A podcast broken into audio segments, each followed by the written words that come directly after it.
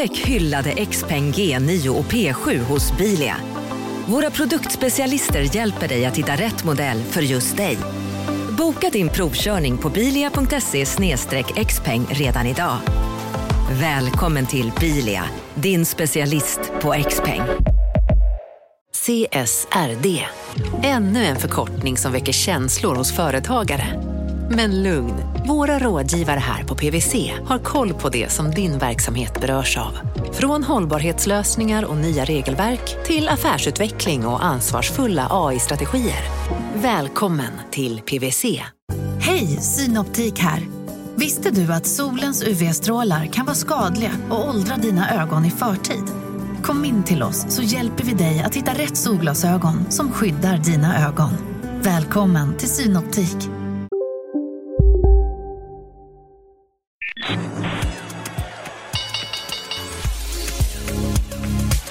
Det här är Affärsvärlden Magasin med Helene Rådstein. Hej och hjärtligt välkomna till podden Affärsvärlden Magasin där vi varje vecka fördjupar oss i affärsvärldens journalistik. Jag heter Helene Rådstein och idag så har jag Maja Inkala här som är talesperson för stiftelsen Allbright. Välkommen hit! Stort tack! Du, ni kartlägger ju hur det ser ut med jämställdheten i de svenska börsnoterade bolagen. Och ni kommer idag när vi släpper det här avsnittet så kommer ni med en ny rapport. Och det är den mest positiva någonsin, eller hur? Ja, men det är mycket som pekar mot det i alla fall. Efter fjolårets rapport så var vi väldigt oroade över att jämställdheten faktiskt börjar gå bakåt inom näringslivet för att det var det vi såg indikationer på. Vi såg att bolagen antingen hade stannat av helt när det kom till utvecklingen eller så hade, gick den till och med bakåt på vissa fronter. Men i år så ser vi ju faktiskt att eh, kvinnorna återigen ökar. Eh, både i ledningsgrupperna, på vd-poster och i styrelser. Så att det, det är väldigt positivt att det går framåt igen. Är det något som har överraskat dig? Ni fyller tio år i år och har sysslat med den här kartläggningen under en tioårsperiod. Är det något som har överraskat dig mycket med den här rapporten som ni kommer med nu? Ja, men I den här rapporten så har vi faktiskt för första gången tittat på ägande och hur ägandet är fördelat mellan chefer på ledningsgruppsnivå i börsnoterade bolag. Och där, när vi tittar på hur det ser ut mellan män och kvinnor så ser vi att eh, män äger 99 procent av aktiekapitalet och kvinnor äger mindre än 1 procent. Och det kanske inte är överraskande att nivån är så låg men det som är tråkigt är att det inte har hänt någonting. Vi ser en utveckling på vd-poster och på ledande positioner i styrelser men när det kommer till ägandet så är det fortfarande bara män som äger. Har ni gjort någon analys över varför det ser ut så? Absolut. Ja, men tittar vi på de som faktiskt toppar den här listan över de som har störst eh, aktie, eller kapitalinnehav i, genom aktier i det egna bolaget så är det ju främst personer som har grundat ett bolag och sen fortsatt som vd när bolaget har börsnoterats. Mm. Och här har ju män ett väldigt stort försprång om man jämför med kvinnor för att det faktiskt är första gången i år som vi ser en kvinna grunda ett bolag och fortsätta fortsätta som vd på börsen. Och det är ju Revolution Race med Pernilla Nyrensten. Mm, just det. Jag har faktiskt intervjuat henne här ah, i, kul. i podden också. Och kommer ni fortsätta kartlägga ägandet framöver? vad ni tänker? Och kommer ni i så fall också kartlägga ägandet i styrelserummet, hur det ser ut där? Det vore väldigt intressant att fortsätta kartlägga ägandet just för att det är så otroligt stor skillnad där fortfarande. Och mm. att vi historiskt har pratat väldigt mycket om liksom styrelser, ledningsgrupper, vd-poster. Då känns ägande också som ett naturligt nästa steg att också granska. Mm. Så att, uh, vår förhoppning är att vi fortsätter med det framöver också. Och uh, det är inte omöjligt att vi även granskar styrelserna mm. nästa årsrapport. Om vi börjar med liksom vd-posterna till exempel. Då ser man att eh, där är det faktiskt rekordmånga kvinnor som är vd. Det är, de har ökat här från 35 stycken till 43 kvinnor som är eh, vd för något börsnoterat bolag. Vad, vad säger det? Ja, men det är eh, absolut glada nyheter, om inte annat. Eh, andelen vd-kvinnor har ju stått still, runt 10 procent, ett tag nu. Det var länge sedan vi såg ökning eh, på den fronten. Och I år så ser vi att 12 procent av vd är kvinnor. Och Det är ju fortfarande lågt, men eh, det är väldigt glädjande att det faktiskt ökar. Och Där ser vi också att en stor del av den här ökningen är att vi faktiskt har sex nynoterade bolag som gjort entré på börsen med varsin kvinna på vd-posten. Så att nynoterade bolag hjälper faktiskt till att putsa på jämställdhetsstatistiken. Mm. Ni delar också in i olika branscher. Och eh, kan man säga att det finns också en särskild bransch där som också hjälper till att putsa till de här siffrorna? Absolut. absolut. Inom kommunikationsbranschen så är ju faktiskt en tredjedel av vd kvinnor. Mm. Eh, vilket är nästan tre gånger så mycket som hos eh, börsen i stort. Så att kommunikationsbranschen hjälper också till att, eh, att ja, pusha på statistiken i rätt riktning.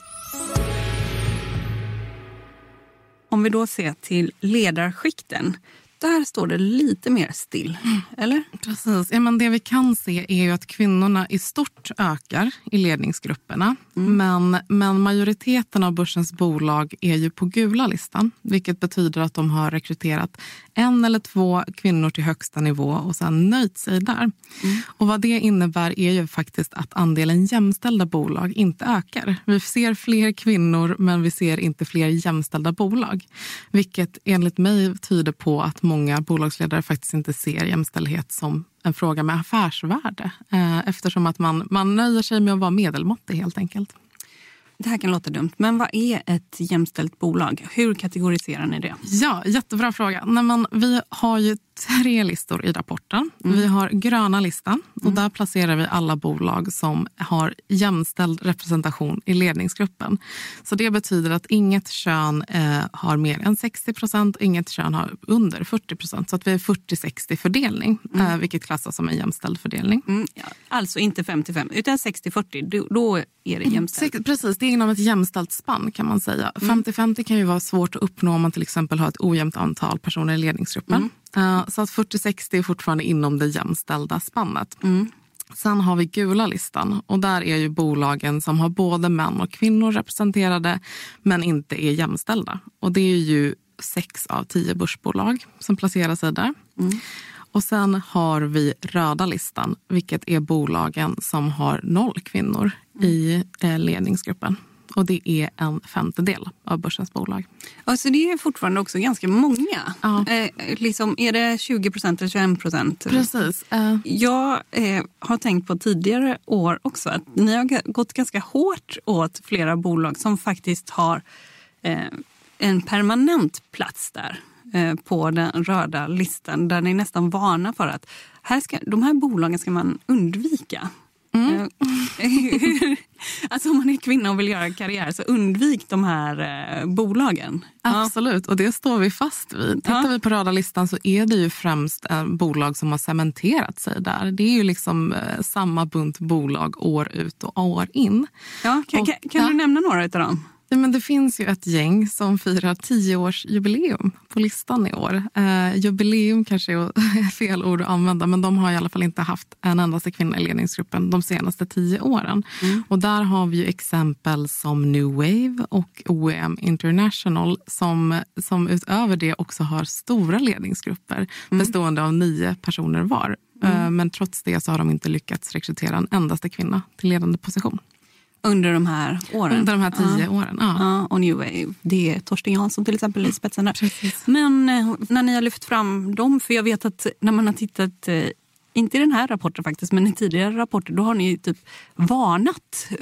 Ni har sagt liksom, vi varnar kvinnor för att söka sig till de här bolagen. Det går uppenbarligen inte att göra karriär. Det har, det har ju stått ganska hårt liksom, i rapporten. Vad har ni fått för reaktioner från bolagen när ni har sagt det där? Nej, men oftast när vi hänger ut bolag på röda listan så menar de att att eh, ja, men vi har ju kvinnor representerade. Så att, det är att, vi liksom, att vi avråder kvinnor som söker jobb hos dem, det, det är liksom befängt. Mm. Men tittar vi på ledningsgrupperna så ser vi ju att kvinnor uppenbarligen inte kan göra karriär på högsta nivå. Så att mm. det vi säger är väl rakt av att, eh, att om karriär är en ambition för en kvinna så ska man ju inte söka sig till det bolaget. För uppenbarligen kan man inte ta sig upp till högsta nivå Mm, mm, okay. Men det är ju också några då som har varit klassiker och varit på den här röda listan i många, nio år kanske då, som ändå har lämnat den nu, eh, eller hur? Mm. Liksom i år. Vad, vad, vad, hittar vi där för något? Ja, men absolut, vi, vi lyfter ju också väldigt gärna goda exempel eh, mm. utöver att vi hänger ut de som är dåliga. Eh, mm. Och där har vi till exempel Enquest och Novotech som båda har tagit steget upp på den gula listan i år efter att ha befunnit sig på röda listan sedan Allbright grundades 2011. Marknaden sponsras av SPP, pensionsbolaget. Eh, förra gången pratade vi lite om ITP. Och som en kort repetition så, så var det ju 70-tal, arbetsmarknadens parter bestämde att alla tjänstemän ska ha en tjänstepension. Man kom överens om vilka villkor som ska gälla i den här pensionen och så kallade man den för ITP. Så jobbar man idag som tjänsteman i ett företag med kollektivavtal, då har man förmodligen den här pensionen, ITP-pensionen. Eh, och det är så att man kan påverka eh, den här pensionen, hur den är placerad. Vart femte år så gör nämligen Collectum, som de heter, en enorm upphandling där olika pensionsbolag kan ansöka om att få förvalta eh, de här pensionerna. Och SPP är ett av bolagen som valdes ut i den senaste upphandlingen. Och sen kan du som pensionssparare välja eh, vilket av de här olika pensionsbolagen som, som då ska få ta hand om dina pengar. Och tanken med den här upphandlingen det är ju att liksom kvalitetssäkra de här olika alternativen eh, men också att förhandla fram stora rabatter så att pensionsspararna ska få, ja, kunna spara pengar genom att avgifterna eh, som är så viktiga eh, blir eh, lägre. Och vill man välja någonting i ITP-systemet då finns det en relativt ny sajt som heter avtalat.se. Ehm, där kan man gå in och se hur sin ITP-pension är placerad. Jag gjorde det häromdagen faktiskt. Ehm, idén är att hälften av pengarna alltid ligger i något som kallas för traditionell försäkring. Det här gjorde vi ett avsnitt om i podden Kapitalet nyligen eh, som vi kallade världens bästa sparform. kan man lyssna på om man är intresserad. Eh, den andra halvan eh, den kan man också lägga i en traditionell försäkring eller så kan man placera det i något som kallas för fondförsäkring. Eh, SPP som sagt eh, var ju ett av de fåtal bolagen som valdes ut i den senaste upphandlingen och de finns med som alternativ både med en traditionell försäkring och med eh, fonder. Så det var en liten bakgrund till ITP-systemet. Vill man läsa mer om det här eller typ kolla hur ITP-pensionen är placerad, eh, kanske göra förändringar, då går man in på avtalat.se Eh, men tack säger jag till SPP som vill göra oss människor mer medvetna om hur enormt viktig pensionen är för oss som en framtida lön, men också som en positiv kraft i samhället eh, och förstås för att ni möjliggör eh, den här podden Marknaden. Du lyssnar på Affärsvärlden Magasin med Helene Rådstein. Det är ju lite binärt också, bra och dåligt. Sådär. Hur tänker du kring, är det så bra om det kommer kvinnor på ledningsnivå till exempel? Eller varför är det så bra? Precis, varför jobbar vi för de här frågorna? Ja. Nej, men vi är övertygade om att blandade grupper faktiskt fattar bättre beslut. Mm. Så att det är inte bara en fråga om rättvisa utan att vi, vi vet att det finns studier som kopplar mångfald till både bättre beslutsfattande, till innovation, till kreativitet. Så att det är det vi försöker lyfta, att det här är ju för bolagens eget bästa. Att mångfald kan vara ett väldigt liksom, kraftfullt verktyg för att optimera organisationen. Ja, okay. Eh, ja, och hur ska man då göra om man, man har ett bolag man känner det här, eh, vi lyckas inte särskilt bra med jämställdhet. Vi, år efter år hamnar vi på den här röda listan och vi försöker uppmuntra, vi, vi kommer inte riktigt vidare. Nej, liksom. precis. Ja, men, som tur är så finns det faktiskt forskning som har tittat på exakt det här. Där man tittat på så här, vilka insatser funkar och vad funkar inte. För att de allra flesta bolag vi på Allbright kommer i kontakt med vill ju jobba med de här frågorna. Men man, det är just hur, det här huret, hur gör man då, som man fastnar på. Mm. Så det viktigaste där är ju att börja med att faktiskt titta på den egna organisationen och titta vad det finns för utmaningar och möjligheter hos just er.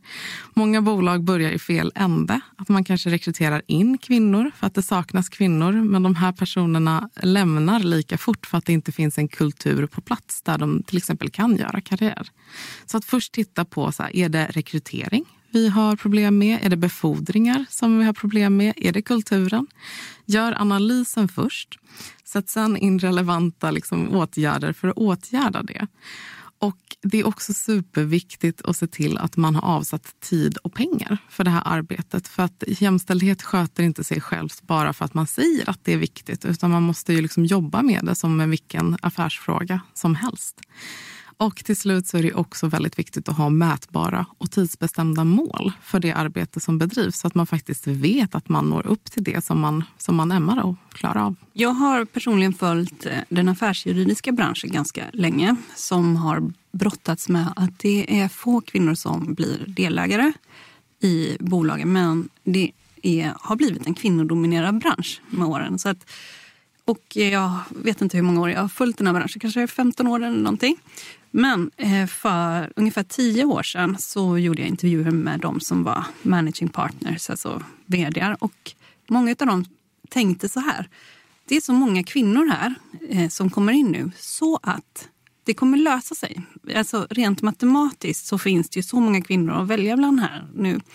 Och en vanlig kommentar var men ring mig om fem år för då ska vi se att det här liksom matematiskt ungefär har löst sig. Och sen så Å andra sidan fanns det ett gäng som började arbeta med de här frågorna strukturellt. Och det jag kan se nu när jag har följt en enskild bransch det är att skillnaderna, det börjar bli ganska stora skillnader mellan de som sa då att de arbetar strukturerat med det här och de som tänkte eh, och på allvar också trodde att det här skulle lösa sig eh, liksom av sig självt ungefär. Eh, har du någon tanke om att man måste arbeta strukturerat för att det ska hända någonting? Absolut. Jag kan gissa att det var de som jobbade strukturerat som kanske också hade ökat. Ja, ja men så är det. Ja, alltså, alltså, nu är det kanske sådär de som arbetar strukturerat, det är Cederqvist är till exempel en sån mm. byrå. De, de ligger ungefär, var tredje är kvinna nu och de som arbetar mindre strukturerat, och jag vågar faktiskt inte säga vilka det är, men där är det ungefär som det var tidigare, 10 procent. Liksom. Precis. Ja, men det där är ju faktiskt en väldigt vanlig bortförklaring eller myt som vi ofta möter på Allbright. Att ja. man säger att ja, men sen när vi ser fler kvinnor plugga till exempel ekonomi eller ja. fler kvinnor liksom jobba inom den här branschen, då kommer vi också lösa det problemet med tiden. Men problemet är ju att kvinnor har varit i majoritet majoritet på universitet sedan 70-talet. Ja. Kvinnor har också varit i majoritet på ekonomutbildningar sedan början av 90-talet. Mm. Det finns jättemycket kompetenta kvinnor där ute. Problemet mm. är inte där, utan problemet ligger i att de faktiskt inte når de här höga posterna på grund av saker som oseriösa rekryteringsprocesser eller kompisbefordringar eller allt annat som kan stå i vägen. Så det är därför man måste jobba strukturerat för det är inte ett problem som kommer lösa sig själv.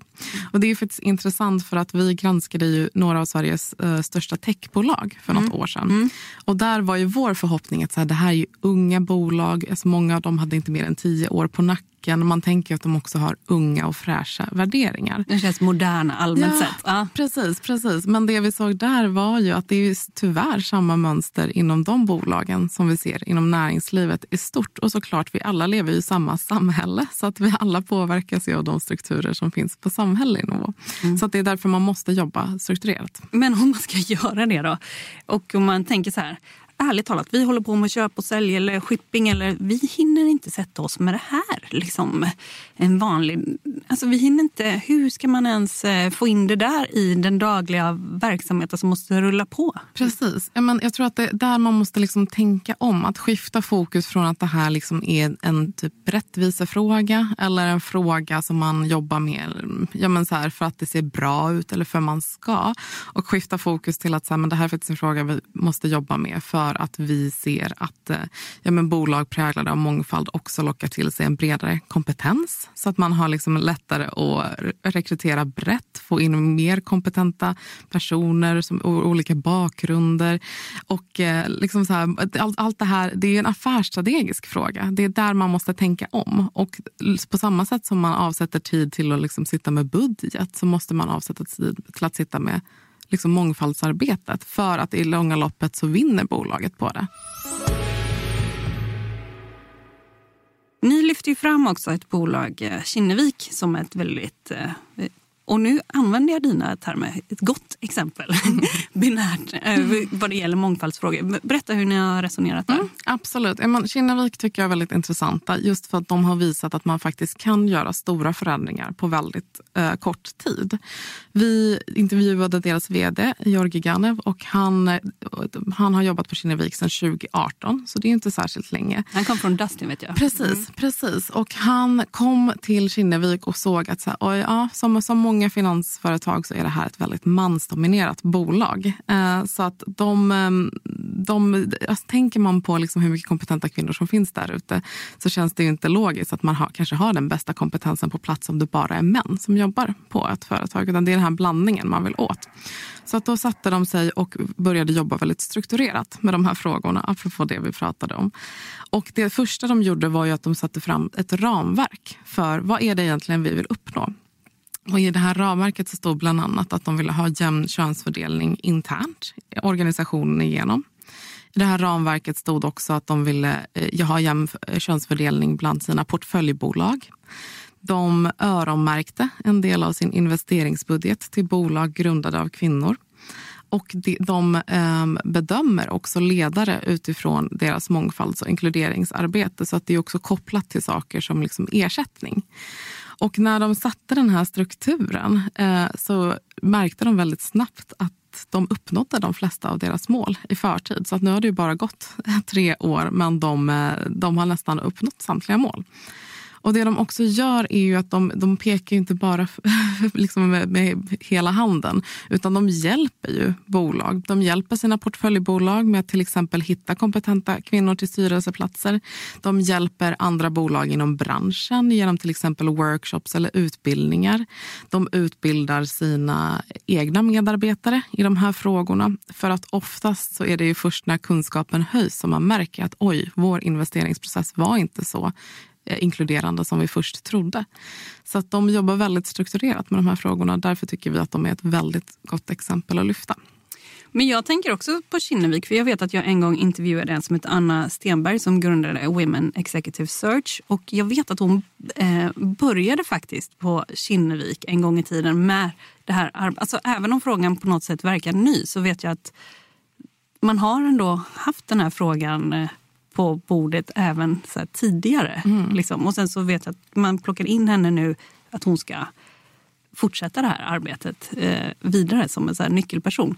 För en sak som jag kommer ihåg att hon sa till mig, det var också att eh, man ska inte bara titta på... Vi har pratat om ledningsgrupper nu och vi har pratat om vd. Men hon pratade också om chefer på olika positioner. Och hon pratade om något som kallas för the pink ghetto. Är det ett bekant begrepp? Ja, absolut. Det är ju någonting vi också ser liksom inom ledningsgrupperna. Mm. Att även om vi i stort ser att eh, kvinnorna ökar mm. så ser vi också att det finns två vitt skilda reservat i ledningsgrupperna för män och kvinnor. Mm. Vi ser att sju av åtta vd i näringslivet är män. Vi ser att åtta av tio HR-chefer är mm. kvinnor. Mm. Så att man ser att det finns väldigt olika karriärvägar mm. för män och kvinnor inom näringslivet. Mm. Och det är ett problem för att det om man tänker på de här liksom, riktiga maktposterna som vd. Det är väldigt sällan man går från en HR-chefsroll vidare till en vd-roll. Mm. Så att så länge liksom kvinnor främst jobbar på stabsposter som HR eller kommunikation så mm. kommer vi liksom inte se den här ökningen av kvinnor på vd-roller. Mm. Så därför är det faktiskt väldigt positivt att vi ser eh, en ökning av kvinnor i roller med resultatansvar på linjeposterna. Mm. Och det, det, ser vi även i årets rapport. Mm. Men ja, det är väldigt vanligt Eh, och att man till exempel tittar på områden som teknik internt. Och där kanske det finns liksom en överdel eller en övervikt av män och kanske också män med internationell bakgrund. Medan man tittar på funktioner som till exempel HR så är det ju främst kvinnor. Mm. För The Pink Ghetto, det, det är till exempel HR, mm. kommunikation och, och sådär. Ja, för jag vet också, precis som du säger, att liksom om man kommer från en roll med har varit chef för pengar. Och eh, då är det lättare att man sen klättrar vidare till vd-posten. Så därför är det viktigt för bolag att se vilka chefer har vi på vilka platser. Absolut. Ja. absolut. Och att det inte räcker med att säga att vi har 40-60 organisationen igenom. Okej, men hur ser rollfördelningarna ut? Hur ser det faktiskt ut inom sig HR-funktionen eller inom tekniska roller? För det är oftast där man ser snedfördelningen.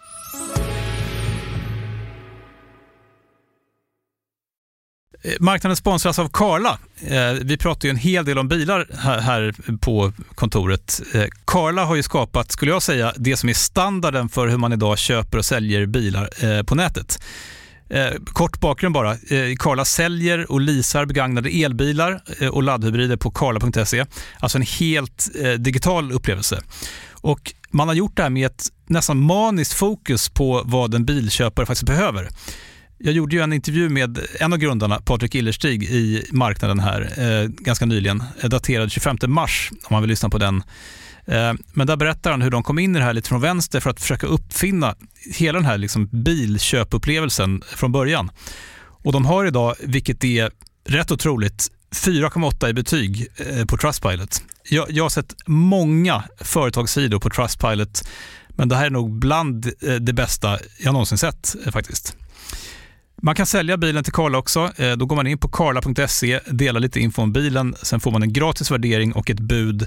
De hämtar bilen helt gratis i hela Sverige och så har man pengarna på kontot i samma stund som de hämtar bilen. Det är grymt. Eh, så ska du köpa en ny bil eller sälja din gamla, eller båda delar för den delen, gå in på karla.se och eh, kolla. Alltså karla.se och Karla stavas med C. Tack så mycket till Karla.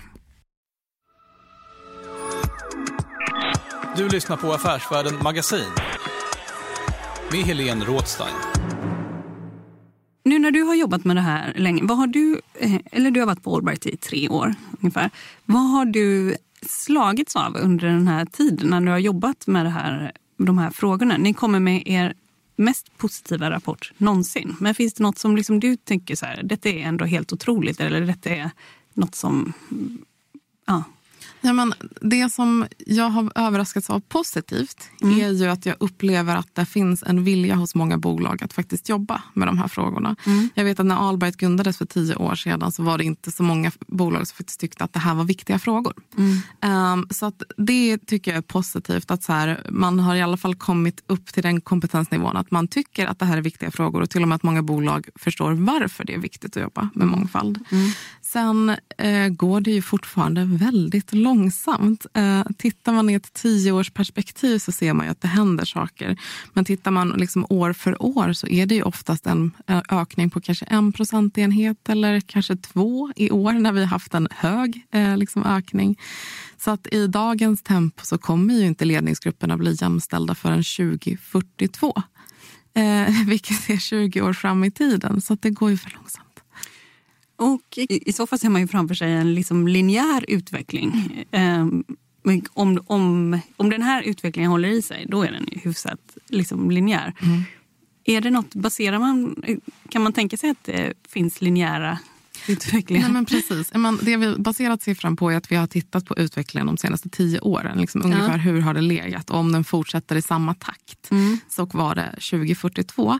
Men det ska också sägas att för något år sedan när utvecklingen var liksom lite mer linjär och gick i lite snabbare tempo, då var året 2040. Mm. Så att vi har faktiskt backat även där. Och Det handlar ju om att vi förra året hade det här katastrofåret när det liksom stannade av på många fronter. Mm. Om vi då ser till olika branscher så är det fortsatt en bransch som ligger i topp vad gäller både ledning och styrelse och det är fastighetsbranschen. Där är av ledningarna så är 40 procent kvinnor. Det är jämställt. Mm. Det är jämställt. Och styrelse 36, nästan jämställt. Ja, men precis, det är i alla fall på god väg. Mm. När man, fastighetsbranschen vet jag har jobbat väldigt strukturerat med de här frågorna. Och Det de har gjort är ju också att de inte bara liksom suttit på sin kammare och tittat på det egna bolaget utan att det finns en väldigt stark samverkan mellan olika bolag där man faktiskt ses och liksom träffas och här, kommer överens om hur man ska jobba med de ja, här bolagen. Och de är sammanflätade också på något vis. Exakt. Exakt. Och man jobbar ju också med branschorganisationer som Fastigo. Det finns ju liksom ett stort engagemang för de här frågorna vilket faktiskt och även har gett resultat. Och fastighetsbranschen låg ju runt 20% kvinnor i ledningsgrupperna för tio år sedan. Mm. Så att de har ju fördubblat antalet ledarkvinnor. Mm. Och de säger också att det mycket beror på att det är en bransch, de lider av kompetensbrist. De har liksom inte utrymme att diskriminera utan de måste se till att de liksom har rätt kompetens på rätt plats och vänder på varje sten för att hitta rätt person. Och därför har de också lyckats med att få till den här jämställda fördelningen. Mm. Om jag ska säga dem i ordning då, mm. eh, hur branscherna ser ut, så är fastighet i topp. Sen kommer konsumenttjänster, hälsovård, finans, konsumentvaror, eh, kommunikation, industri, material, teknologi, energi och sen sist så kommer kraftförsörjning. Så om vi tittar på de som ligger då längst ner. Jag vill också prata lite om finans faktiskt. Mm. Men om vi tittar på de som kommer längst ner, teknologi, energi och kraftförsörjning. Har du någon teori om eh, varför ja, kraftförsörjning har ju noll procent mm. kvinnor i ledningsgrupper. Alltså jag kan mm. tänka mig att också snittet de drar ner snittet generellt. Men eh, har du någon teori om varför vissa hamnar sist? Det är också samma branscher som hamnar sist. Det är samma branscher som hamnar sist år efter år. Ja. Och, eh, ja, men, det vi kan se är att det inte sker någon utveckling. Och Det jag saknar är väl kanske mycket av den här liksom branschsamverkan som vi ser inom fastighetsbranschen. Att så här, nej, men nu tar vi tag i den här frågan och försöker förändra. Och uppenbarligen så har vi placerat kraftförsörjning sist Eh, i våra listor alltså de senaste åren. Det har kanske sjätte eller sjunde året i rad som de faktiskt har 0% kvinnor i ledningsgrupperna. Så att uppenbarligen så hjälper det inte att um, att liksom endast hänga ut. Utan där är det något annat som behöver ske. Det behöver komma till insikt om varför de ska jobba med de här frågorna. Mm. Och samma med energi? Eller? Ja, precis. De är liksom lite hand i hand, kraftförsörjning och energi. Mm. Mm. Om man då ser till finans så är det ju, vi har ju haft många kvinnor som har varit eh, vd för stora banker mm. till exempel. Hur ser det ut nu? Bonnesen är borta. Och... precis. Ja, men Handelsbanken. Annika Falk. Ja, ja, precis. Handelsbanken ja, har vi kvar. Och... Ja, Carina där. Ja, precis. Nej, men, um, det man kan säga om finansbranschen är väl att det finns ju många kvinnor inom finansbranschen. Mm. Uh, men tidigare har ju problemet varit att de har ofta befunnit sig på de här ingångsnivåerna och haft väldigt svårt att ta sig upp på de här ledande posterna. Mm. Men nu finns det ju så pass stor övervikt av kvinnor. Det här är också en, liksom de har jobbat strategiskt med de här frågorna för att öka andelen kvinnor på högsta nivå. Så att vi ser att det faktiskt går framåt även där. Men ett större problem inom finansbranschen är ju mångfalden. Och där har vi sett många granskningar under året som exempelvis visat att personer som har väldigt framgångsrika internationella karriärer inte ens blir kallade till intervju i Sverige för att man, man tittar på kompetens på ett väldigt snävt sätt rätt. Man ska ha gått på vissa specifika prestigeskolor. Man ska helst ha liksom personer i sitt nätverk som redan jobbar på de här eh, finans, finansiella institutionerna. Och därför går man bett på den här mångfaldsaspekten. Men där vet jag också att många bolag har utlovat krafttag för att förändra. Om man inte då är vanlig vit eh, man mm. och så känner man jag är på ett bolag och eh, det ser ut så här. Ehm, för vi pratar om vad bolagen kan göra. Mm. Och jag tycker tidigare man har hört att man ska välja sin chef. Mm. Men vad tycker du eh, man som person ska göra då? Om... Ja, men som, alltså, som anställd då? Ja, ifall du är på kraftförsörjningsbolag. Mm. Precis. Ja, men det är att våga prata om de här frågorna. Att våga fråga sina chefer. Okej, okay, men nu ser det uppenbarligen ut så här. Jag jobbar här. Eh, min ambition är ju att jag vill göra karriär. Hur arbetar ni för att öka jämställdheten på högsta nivå? Eller hur arbetar ni för att se till att alla medarbetare har samma möjligheter att mm. göra karriär? Så att faktiskt liksom våga ta upp den här diskussionen. För att oftast vill ju inte företaget arbeta på att förlora dig. Så medarbetare de har ju anställt dig av en anledning för att de ser kompetensen i dig. Så, så, så de har ju också investerat massa tid i mig? Exakt, ja. exakt. Och det kan man ju också säga att varje gång en person slutar och man måste liksom lära upp en ny person så kostar mm. det ju företaget uppemot en halv miljon kronor i liksom tid och upplärning. Så det, det är liksom eh, en väldigt smart idé att ta hand om de eh, medarbetarna som man har och mm. faktiskt lyssna när de tar upp eh, sådana här ämnen. Och de, majoriteten av bolagen eh, Alltså, ja, det är bra att våga prata om de här frågorna för att det kan ju också liksom få eh, chefer att tänka till kring frågor som de kanske inte har funderat över. Nu ska jag säga något lite klyschigt där, mm. som en fördom. Kanske fördom. Men finns det en risk när bolag börjar se till mångfald och rekrytering att man då inte tar de bästa?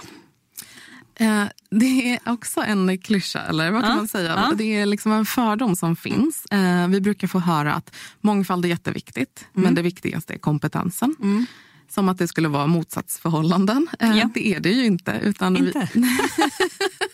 Nej, men vi har åsikten att så här, mångfald är ju ett, till, ett sätt att spetsa kompetensen. Har man mm. mångfald så liksom letar man bredare. Du får folk av olika ålder, kön, bakgrund. Då ökar chansen att man liksom tar sig an problem ur olika synfallsvinklar. Det kan ofta liksom både hjälpa till med innovation och kreativitet. Så att det är liksom inga motsatsförhållanden. Eh, vilka, vilket vissa försöker få det till att men vi tänker bara på liksom kompetens och meriter. Ja, men tittar man på hur det ser ut inom näringslivet idag, där till exempel eh, ja, men, Tittar man på cheferna så har nio av tio svensk bakgrund och eh, närmare tre av fyra chefer är män. Samtidigt som vi vet att liksom kvinnor är väldigt hög kompetens och samtidigt som vi vet att, att eh, de med utländsk bakgrund studerar vidare i samma utsträckning som de med svensk bakgrund. Så att uppenbarligen tar vi inte vara på den kompetens som finns där ute. Mm. Alltså, du menar så kan man inte resonera riktigt? Som jag... alltså, det är inte motsatsförhållande. Nej, nej, nej. Ja, men, men, men det är ju en vanlig sak man ja, hör. Absolut. Liksom. Ja. absolut. Ja. Um, Okej, okay. och då liksom om man tittar i sista på i er rapporter, då är det så här målsätt, mät och utbilda. Mm. Du har varit inne på det här lite grann. Eh, vem ska sitta och göra det? Är det en HR-fråga? Liksom? Eller hur? Eh? Inte bara. Eh, Nej. HR har ju oftast väldigt hög kompetens i de här frågorna. Mm. Men det måste vara vd som är högst ansvarig över det här arbetet. För att det visar att det här är en fråga som är viktig för hela organisationen. Inte en fråga som kvinnor eller minoriteter ansvarar för att driva själva. Mm. Så att vd måste liksom, ja, vara huvudansvarig över arbetet och visa att så här, det här är en prioriterad fråga. Mm. Eh, och sista då, om vi jämför med fjolårets rapport, då, då var det liksom fler börsbolag utan kvinnor i topp. Det var stagnation och det såg ganska så mörkt ut. Eh, vad, det som vi pratade om innan, så här, linjär, liksom att det här går bara uppåt. Om man nästa år liksom går tillbaka, det är ju ändå det kan ju förändras. bara så här, Om tio bolag tappar lite grann så kan saker och ting ändras. Vad, liksom, blir ni, kommer det en till sån här då, liksom ganska dyster blick på hur det ser ut? Eller hur? Vi hoppas ju inte det. Eh, vi, vi, har liksom inget egenintresse av att utmåla näringslivet som dåligt. Utan vi vill ju visa med statistik hur det faktiskt ser ut idag. Mm. För Statistik kan vara ett väldigt kraftigt verktyg för att visa men så här ser det ut. Mm. Vill vi att det ska se ut på det här sättet? Nej, förmodligen inte. Men då kan vi arbeta för att förändra. Och Det ska också sägas att efter fjolårets rapport där vi faktiskt såg en ökning av bolag som helt saknar kvinnor i ledningsgruppen då tog Nasdaq faktiskt krafttag om de här frågorna. De sa att så här kan det inte se ut. Så att under året så har de erbjudit utbildning i mångfald och jämställdhetsfrågor till alla börsnoterade bolag för att visa varför det är viktigt att arbeta med det här. Så att uppenbarligen kan statistik också liksom fungera som en eld i baken. Att så här, nej men, vi kan inte ha fler bolag som saknar kvinnor på högsta nivå. Nej, men då måste vi göra någonting. Jag säger tack till dig, Maja Inkela, talesperson för stiftelsen Allbright. Tack för att du var med i podden Affärsvärlden Magasin. Stort tack. Du har lyssnat på podden Affärsvärlden Magasin med mig, Helene Rothstein. Och den här podden den är tillbaka om en vecka. Håll ut!